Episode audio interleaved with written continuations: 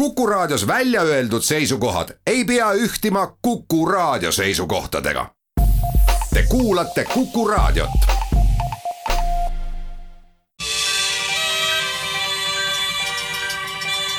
maatund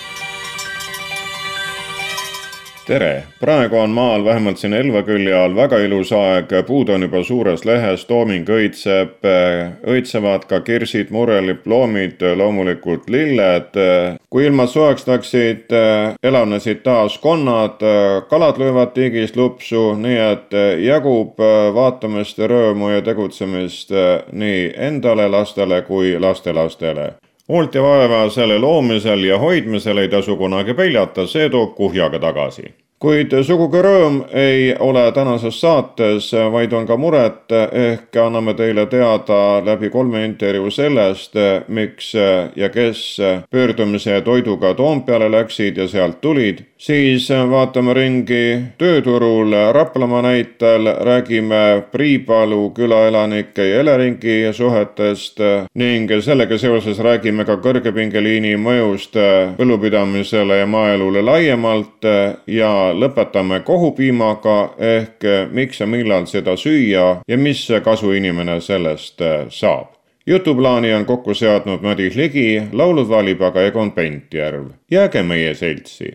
põllumajandus-kaubanduskoja juht Roomet Sõrmus, mis sundis teid seda ühist pöördumist kokku panema ja leivaga Toompeale minema? Põhiliseks mureks ja ühiseks mureks nii äh, põllumajandustootjate, toidutootjate, kalurite, metsaomanike kui ka jahimeeste puhul on see, et äh, loodushoid on üha, üha olulisemalt ja rohkem äh, erinevates ühiskondlikes aruteludes päevakorral ja üha rohkem tundub, et, et selline nii-öelda nagu vastutus ja koormus kõikide kitsenduste loodushoiu eest pannakse üha rohkem maainimeste õlgadele, kuigi tegelikult me teame, et et maainimesed on väga tähtis osa loodushoiust ja lahenduste pakkumisest. eelkõige on vaja arutada ja algatada ka debatti sellest, et kuidas me suudaksime olukorras, kus on toimunud juba tegelikult päris pikka aega päris armutu äh, linnastumine, kuidas me suudaksime hoida elu maal, kuidas me suudaksime maal tegutsevatele ettevõtjatele tagada normaalsed võimalused tegeleda oma tavapäraste tegevustega, põllumeestele anda võimalus toota toitu, metsaomanikele anda võimalus oma metsade majandamiseks ja nii edasi. millise teadmisega Toompealt alla tulite? positiivne on see, et peaminister Kaja Kallas võttis meie pöördumise lahkesti ja sõbralikult vastu, et kuigi see kohtumine oli, oli põgus, siis peaminister kindlasti lubas pöördumisega põhjalikumalt tutvuda ja leida ka lähikuul aja, et meiega põhjalikumalt maha istuda ja neid ettepanekuid, mida me pöördumises tegime, et seal oli välja toodud üheksa ettepanekut, ka põhjalikumalt arutada. kui me mõtleme sellele samale palju räägitud rohepöördele, siis tegelikult see tähendab ju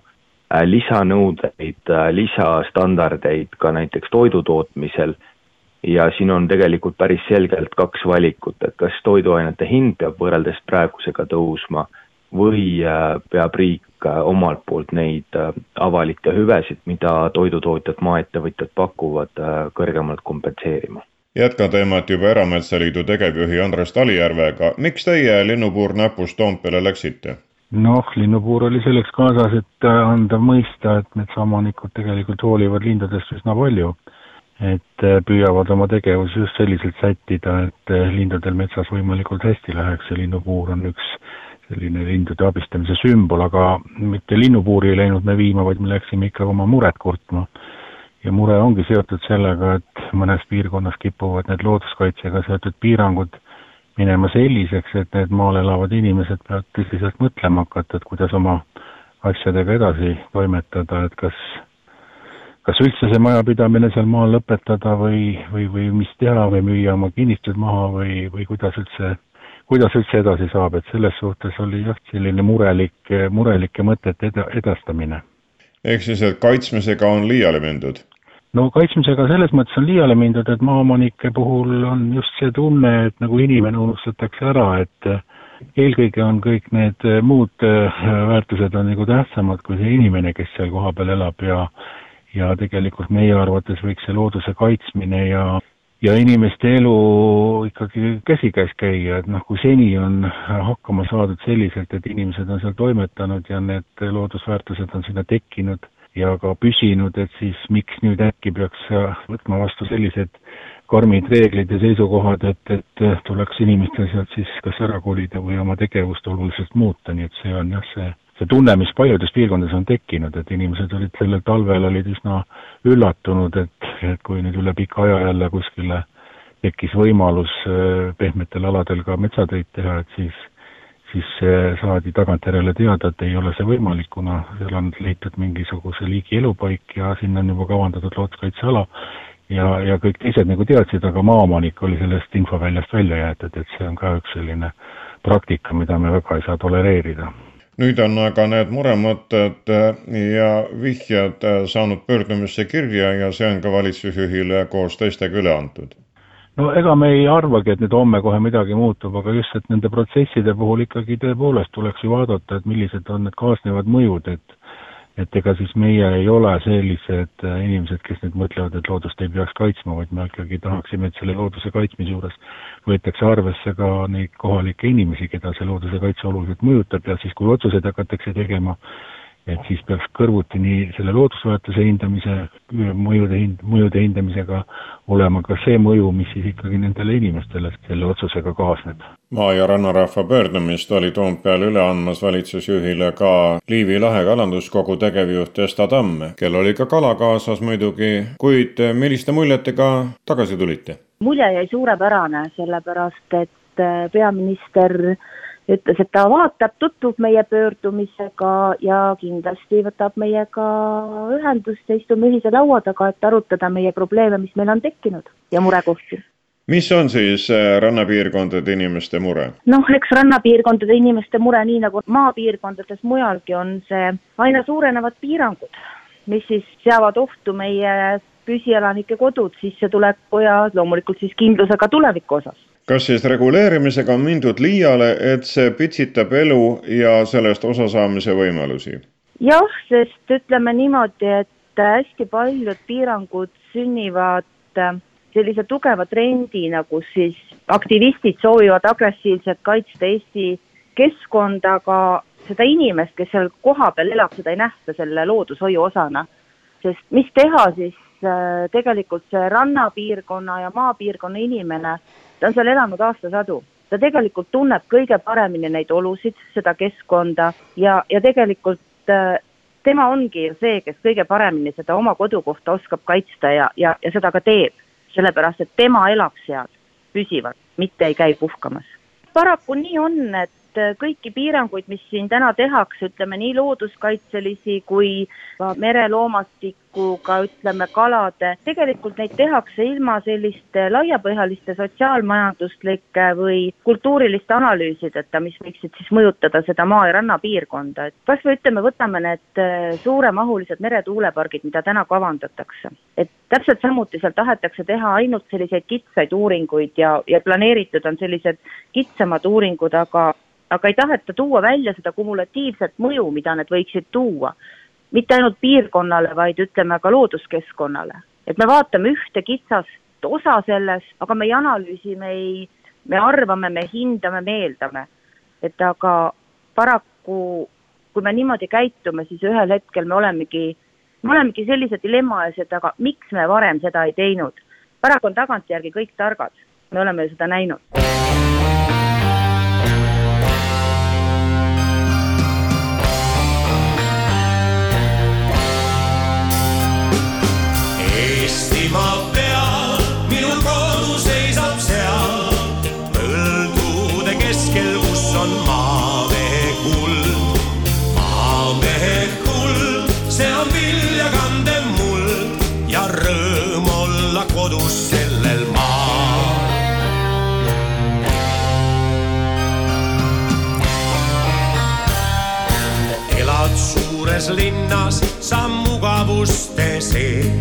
sul laual toit, mis poest on toodud. hea, kui vahel meenub, et põllumees on see,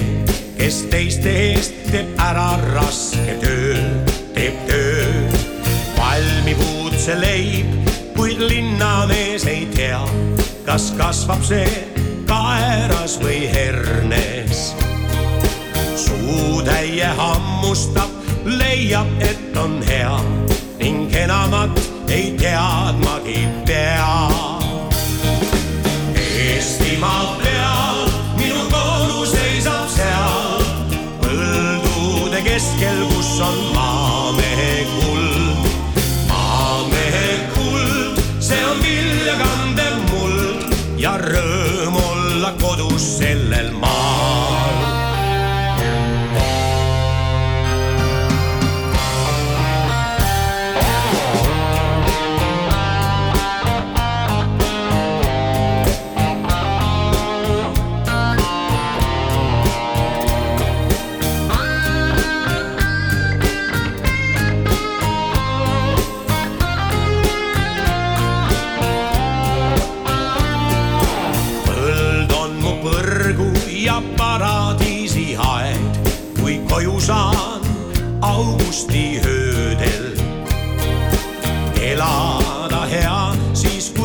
asja eest läheb vaev ja kõigile on tarvis sinu tööd.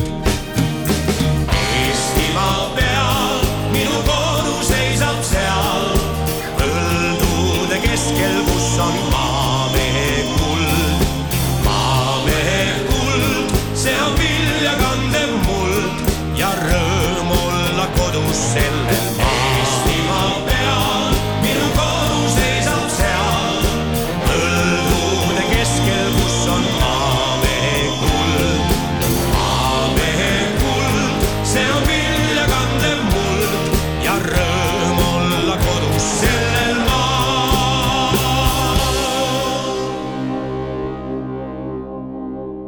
Maatunni järgmine intervjuu viib meid tööturule ning kutsun appi Töötukassa Raplamaa osakonna juhataja Ilvi Pere. milline on tänane seis siis teie kandis? töötus on hakanud langema, täiesti langustrend on nähtav. siin veel aprilli alguses olime sellise kaheksa koma viie protsendi peal, siis nüüd on see tuntavalt vähenenud, et juba varsti jõuab sinna seitsme ja poole peale.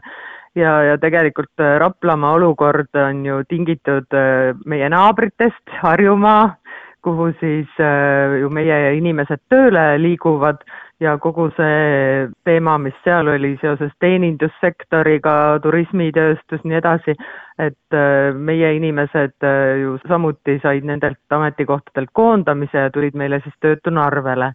Et puudutavad kõik need Harjumaa liikumised ka meid. aga praegu, nagu alati kevadel, on siis sellised hooajatööd pakkuda ja muidugi tööandjad on julgemaks ka muutunud, et jälle on alustatud värbamisi, nii et ma arvan, et Raplamaa taastub nüüd kiiresti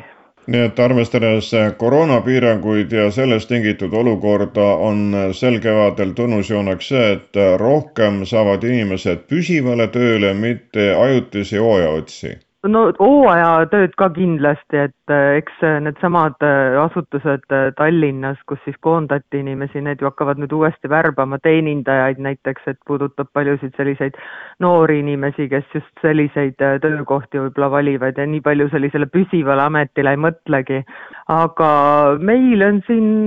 ütleme, meie tööstused on ju väga tublid ja, ja heal järjel, et sinna on alati tööpakkumisi ja Raplamaa ei ole küll väga suur selline põllumajanduspiirkond, aga väga palju abikäsi oodatakse ka maatöödele. otsivad tööotsijad praegu kaua või haaratakse kiirelt? eks ikkagi on tulnud ju praegu arvele inimesi, kes on näiteks kümme, kakskümmend aastat töötanudki ühel töökohal, et nende jaoks on ikkagi väga väga selline valuline kogu see sunnitud puhkustööst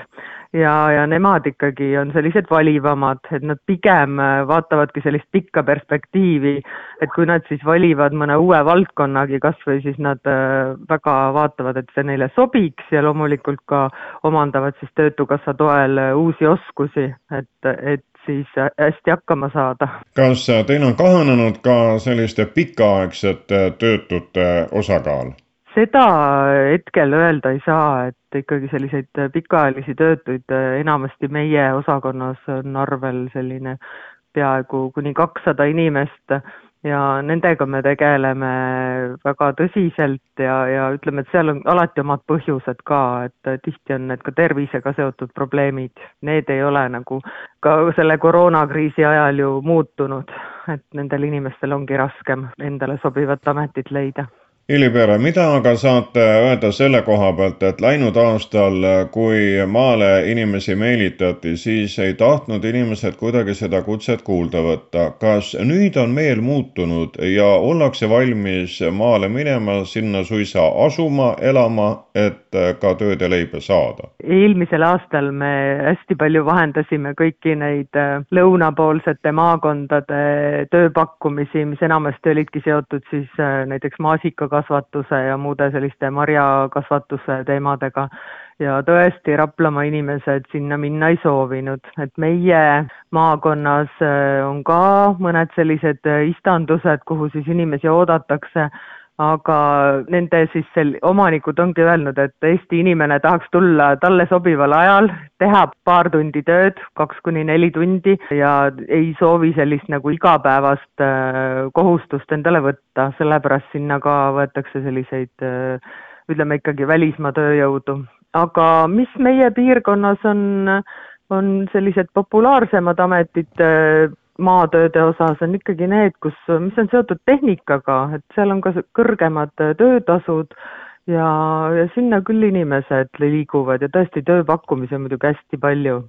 aga võib-olla selliseid kõige, kõige lihtsamaid töid inimesed teha ei soovi. eks palk ja, ja võib-olla ka asukoht ja töö iseloom, mis ju tihti on seotud ka sellise füüsilise koormusega, et äh, eks ikka inimesed otsivad lihtsamaid võimalusi kui te vaatate nüüd seda pikka nimekirja, nagu te ütlesite, et tööpakkumisi on palju, kuhu kõige kauem otsitakse ehk mida ei taheta mitte kuidagi külge võtta? Näiteks loomakasvatuses vasikatalitaja, lüpsja, öökarjak, vot sellised huvitavad ametid. just ka see ajatöö, need graafikutega tööl olemised ja, ja ikkagi rasked inimeste jaoks. võib-olla ka ei ole sellist sobivat väljaõpet need inimesed saanud ja, ja ei ole ka kogemust ja, ja teadmist, et mis see töö endast kujutab, et võib-olla sellepärast on ka julgust vähem, et üldse neid kaaluda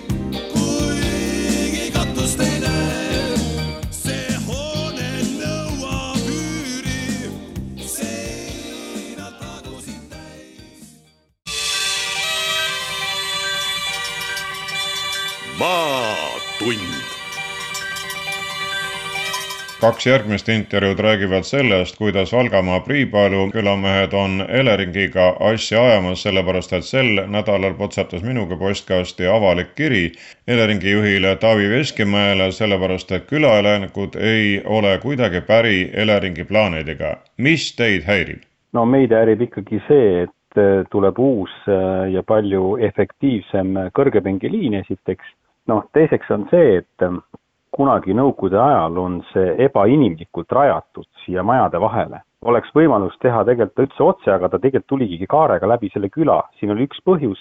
põhjus oli see, et olid, kõrval olid Nõukogude Liidu sõjaväebaasid, olid raketibaasid, on ju. ja raketibaaside pärast ei saanud seda nagu otse teha, seda liini. tehti lihtsalt külade vahele, on ju ja see on niivõrd ebainimlikult rajatud, need, et noh, minu kodus on näiteks niimoodi, et üks elektripost jääb õue aiamaast. et Arne Kurg, te olete üks neid, kes on sellele avalikule pöördumisele alla kirjutanud ja teie otsus on üksmeelne, nii et kõikide talude peremehed, maaomanikud on nõus seda liini liigutama ja sellepärast te siis oma tahtest ka Eleringile teada andsite? jaa, kõigepealt ma andsin teada seda, et noh, võiks selle nihutamise teha siis nad hakkasid vastu, öeldes seda, et äh, nad ei suuda seda nagu teha, et see tekitaks mingisugust äh, sundvõõrandamist või midagi sellist, on ju. see oli esimeses kirjas. teises kirjas siis, kui me ütlesime, et me proovisime ise leida siis selle lahenduse nagu, et minna nende maaomanike juurde ja ja saavutada see pretsedent, on ju. ja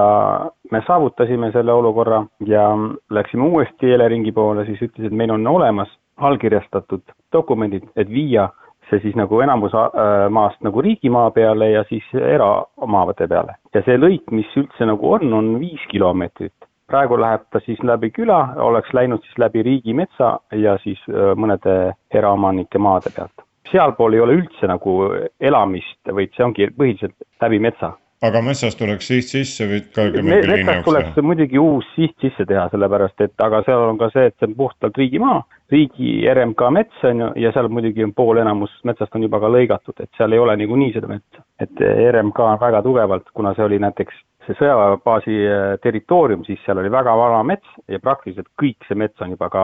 ära raadatud, nii et äh, see ei tekitaks ka väga suurt probleemi, et tuleks hakata nagu äh, noort metsa maha võtma, vaid seal ongi juba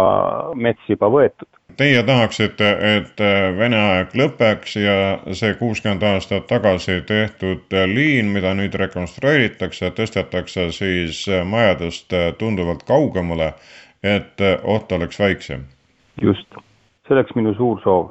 kas Elering on pärast seda avalikku kirja teile ka mingeid signaale andnud, on nad meelt muutnud? ei, nad üldiselt ei soovi mitte millegist arutada, nende jutt on konkreetselt ei ja kui midagi nagu küsid, siis väga pikalt äh, vastatakse nendele kirjadele mitme nädalate nädalase viivitusega näiteks. Teie poolt on aga kindel jaa ning kõik Priipalu maaomanikud, talumehed on sellele avalikule pöördumisele ka alla kirjutanud, siin on üksmeel täielik? jah, üksmeel on täielikult. kogu see traat, mis seal ripub, on ju, see on põhimõtteliselt esimeste majade peal, on ju, hoonete peal, kõrvalhoonete peal. kui see üksainuke polt sealt ülevalt peaks kunagi lahti minema, neid juhtumeid Eestis on paar tükki olnud, siis ta tapaks kõik inimesed seal kodus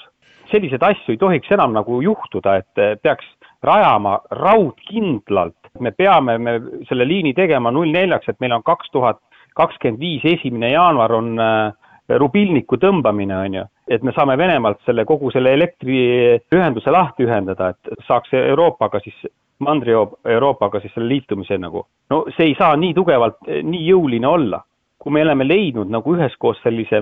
võimaluse, et me teeks ikkagi sellesama liini sama pikalt põhimõtteliselt, kakssada meetrit võib-olla tuleb see pikem, on ju, siis on see ikkagi absurd, et seda ei saa, ei saaks teha. kaksteist elektriposti on kõige rohkem selle viie kilomeetri peal, kaksteist. kui viia mõlemad liinid, on see korrutatud kahega, on see kakskümmend neli posti. kui me rajame selle kolme poole aastaga Eestist kuni Poola piirini, kolme poole aastaga ja siis seda kahteteist posti nüüd ei suudeta siis ümber teha ja ümber projekteerida, on ju. no see ei ole ju üldse, isegi esimese klassi laps saab aru, et see onu ajab ju lihtsalt väga valet juttu. Jätkan teemat juba Eleringi kommunikatsioonijuhi Ain Kösteriga, kes on äh, Taavi Veskimäe suuoodriks. miks siis teie firma ei taha seda kõrgepingeliini nihutada ja Valgamaa Priipalu talunikele vastu tulla, kes on äh, ses osas ühiselt teile oma meelt avaldanud ja avalikkusele ka? kahjuks on selline lugu, et Eh, me tegeleme liinide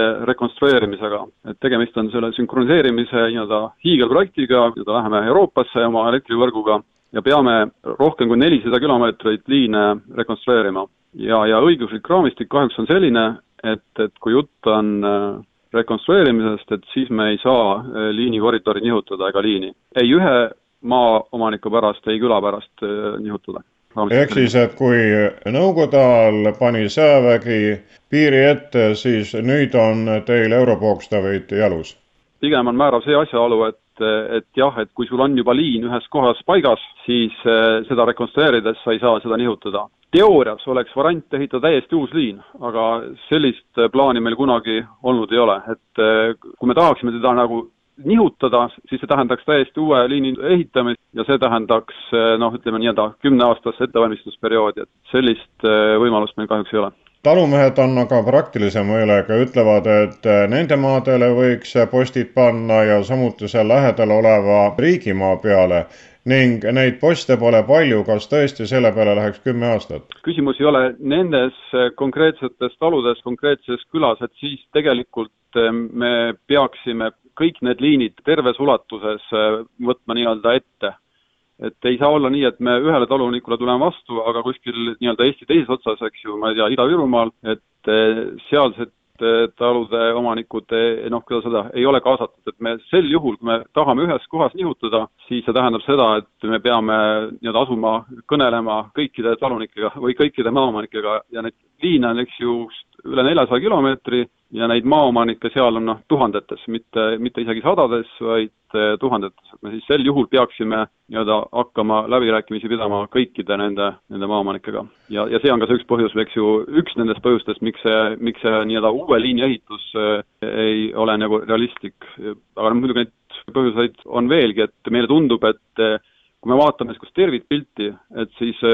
ka sotsiaalmajanduslikult nii-öelda Eesti jaoks on siiski kasulikum noh, nii-öelda jääda nendesse vanadesse koridoridesse. see variant, mis me oleme praegu nii-öelda, mida me oleme praegu realiseerimas, tundub meile nagu tervikvaates kõige nagu otstarbekam seega, vaatamata sellele, et talumehed on omavahel läbi rääkinud äh, ja avaliku kirjaga käivad need allkirjad ka kaasas ja täieliku üksmeele saavutanud, äh, see ikkagi Elering ei kõiguta ning teie räägite palju laiemast läbirääkimisest. liin kui selline ju põhimõtteliselt äh, nii või teisiti tuleks, nii et ümbertõstmine ei tule kõne alla. kas see on sõnum, et kui mõni teine küla näiteks tahab ka, et kõrgepingeliini natukene nihutada, siis ei ole mõtet Eleringi poole pöörduda, et läbirääkimised ei vii kuhugi? Kui on samasugune kaasus, kui me räägime nendest äh, liinidest, mis on sünkroniseerimise jaoks äh, tarvilikud, siis, siis see case on täpselt ühesugune kõikidele just nimelt, et me ei saa äh, teha erandeid, kui me tahaks teha erandeid, siis on see hoopis teine projekt, siis on see nagu uue liini ehitus, jah. jaa, et nendel Priipalu inimestel on liin tõesti kohati päris lähedal, eks ju, ja see on, see on ebamugav, aga jällegi, et kui vaadata suurt pilti, siis kindlasti nende liinide uuendamisega kaasneb ka positiivset kas või maa, maaharijatele. seoses sellega, et me need liinid uuendame, kaob ära siis Eesti idapoolsest osast, vaid alates Narvast kuni Valgani sellel joonel nii-öelda kaob ära sadu kilomeetreid meie vanemaid saja kümne kilovoldiseid liine. me lihtsalt saame nad olemasolevatest trassidest täitsa ära võtta ja paneme nad kohati siis sinna rekonstrueeritud liinide peale, et on hulk maaomanikke, kelle jaoks olukord läheb nagu tunduvalt paremaks, et äh, meie vanad liinid kaovad täitsa ära ja maakasutus muutub äh, palju vabamaks, et ei ole enam seda piirangut. ja, ja me tegelikult pakume ka sellist lahendust nii metsa- ja põlluomanikele, õieti siis, et kui liin praegu on metsamaal ja kui me nüüd teda uuendame, siis me oleme valmis maste, mis saavad olema täpselt samades kohtades, kus nad praegu on, aga me oleme valmis panema sellised mastid, et seal liini all oleks võimalik põldu harida ja me tegelikult et pakume ka abi, et see eelnevalt metsamaa siis nii-öelda üles harida põllumaaks, et selles mõttes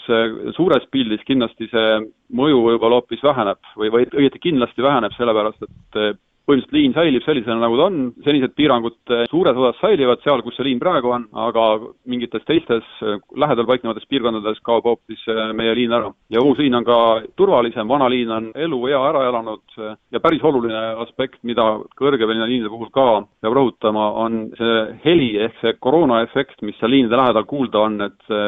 vanade nõukogudeaegsete liinide puhul on see noh, küllalt vali, eriti kui ilm on niiske või siis äh, need uued liinid on nii-öelda parematest materjalidest kaasaegsemad ja nad on, äh, nagu tehnikamehed ütlevad, nad on praktiliselt äh, nagu kuuldamatud, nad peaaegu ei tee häält. et see kindlasti on ka üks päris arvestatav positiivne asjaolu nende liinide rekonstrueerimisel. ja ma muidugi vabandan, eks Priipalu külarahva ees, aga, aga mõnes mõttes jah, meie käed on seotud või et seal me ei saa kahjuks muutust teha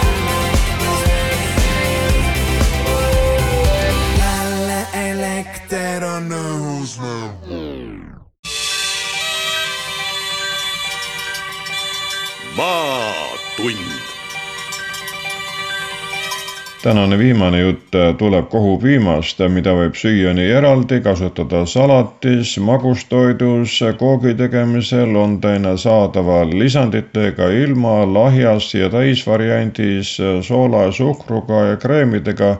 kõik see kokku näitab, et kohupiim annab väga palju valiku ja variatsioonivõimalusi ja põhiline, professor Mihkel Silmer, mis me sealt saame, on vist valgud, on nii? Jah, see on täpselt nii, kohupiim on tõesti üks selline väga õnnestunud toiduaine, mille, mille noh, ma hakkan hoopis teisest otsast peale, mille suhteline hind selle eest, mis sealt saab, on ikkagi harukordselt eh, normaalne. aga valgud tõepoolest, vot milles on küsimus ega kõik eh, makrotoitained, kui me võtame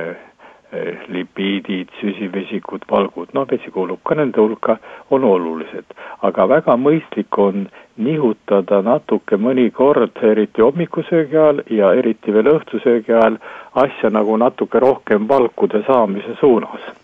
see on äärmiselt mõistlik, sellepärast et eh, kui te õhtul saate korralikud valgud, siis need valgud seedetraktis lammutatakse te lähete magama, aminohapped jõuavad verre ja teie organismis hakatakse kõiki uusi valke üles ehitama, uuendama siis ja sealhulgas pange tähele ka antikehade teke on sellega seotud. nii et tõepoolest, kui nüüd kohupiima kohta öelda, siis täiesti kindlasti on see valgu andmine üks äärmiselt oluline asi ja need on kõrgkvaliteetsed valgud ja juba söömise mõttes ma ütleks niimoodi, et väga mõistlik on, kui teil on kohupiim ka selline, no kujuneb harjumuseks õhtul süüa ka kohupiima.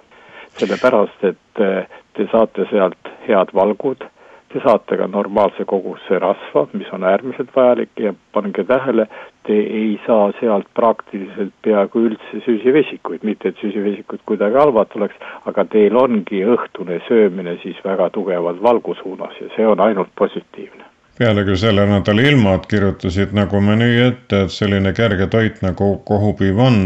läheb äh, väga hästi. jaa, täpselt nii ja kui nüüd vaadata sealt valkudest edasi, siis kui võtame nüüd neid mikrotoitained, siis fosfor, kaltsium, seleen, väga, väga hea allikas, edasi rikkalikult B kaksteist vitamiini, mida noh, ütleme igas elueas vajatakse, aga eakamad veel rohkem. ja muidugi veel kohupiim on selles mõttes vahva asi, et ta on ka tegelikult veevajaduse katja, sellepärast et kohupiimas on valkude küljes väga hästi seotud vett ja see valkude küljes seotud vesi imendub harukordselt hästi. Kuigi mõnelegi tarbijale just seesama vesi, kui ta paki või toru lahti võtab või ka topsi lahti teeb, et näe, nüüd on vett ka veel sisse pistnud et.... see, see on see koht, kus tõesti väike nii-öelda no ütleme, kahtlustus eh, langeb siis tootja või kaubastaja, õigemini tootja kallal. ei, ei, head sõbrad, see on täiesti normaalne, et seal on vesi, sellepärast et kui meil ikkagi ta topsis või kusagil pakis seisab, siis sealt valgude küljes olev vesi tuleb ka tasapisi lahti ja see vesi ei ole mitte teps sinna kuidagi juurde lisatud. nii et võite selle ära kallata, aga, aga kui te ka selle ära tarvitate, kui tahate tarvitada, ei ole üldse hullu. nii et selles mõttes keegi sinna vett ekstra juurde ei pane. kui mõni inimene kardab, et tal on niisugune laktoosiga probleeme piimasuhkruga, siis kohupiimast seda praktiliselt ei ole selles tasemes kindlasti, mis teile mõjutaks ja, ja ma väga ütleks, et kohupiim, kuna tal on ka selline kerge noh, kui me räägime ilma lisandite kohupiimast, siis tal on ka kerge selline kerge hapukas maitse, siis see veel teie seedetegevust ka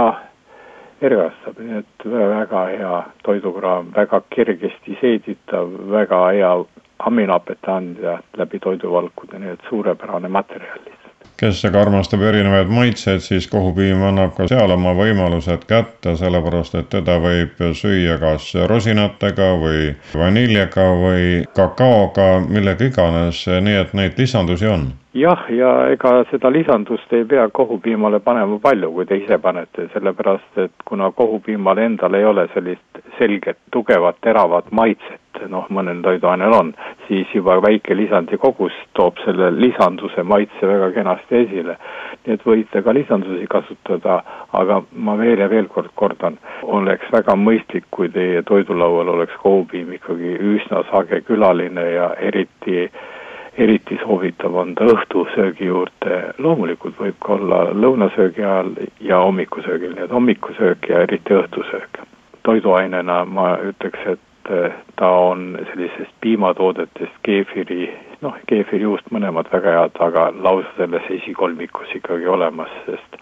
ta on oma sisaldustelt ja, ja seedivuselt väga hea toiduaine kallid kuulajad, tänases saates rääkisid maa- ja rannapiirkondade elusuunajad Põllumajandus-Kaubanduskoja juht Roomet Sõrmus, Erametsaliidu tegevjuht Andres Talijärv ning Esta Tamm, kes seisab Liivimaa lahe kalandusnõukogu eesotsas sellest, mis nad pöördumisse kirjutasid ja mida valitsuse käest loodavad töötukassa Raplamaa osakonna juhataja Ilvi Pere andis ülevaate, milline on olukord sealsel tööturul, kui palju koroonaaeg on seda mõjutanud ja nüüd avanevad võimalused eh, muret kahandanud. Valgamaa Priipalu küla talunik eh, Aare Kurg rääkis ära, miks nad avaliku pöördumise Eleringile kokku panid, eh, mis on mureks ning Eleringi kommunikatsioonijuht Ain Köster